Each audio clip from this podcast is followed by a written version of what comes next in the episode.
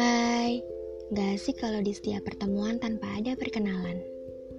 Saya Senja. Kenapa Senja? Padahal hari-hari saya hanya menyendiri di kamar. Jarang sekali menengok senja yang sedang mengucap selamat tinggal pada langit. Tapi saya suka senja, suka sekali malah. Hanya saja saya suka bertanya pada semesta.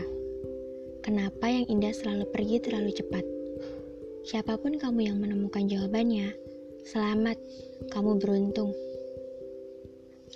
Karena parahnya, sampai saat ini saya masih terperangkap dalam kalimat tanya itu.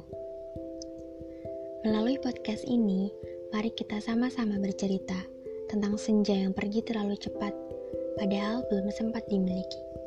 Salam, senja.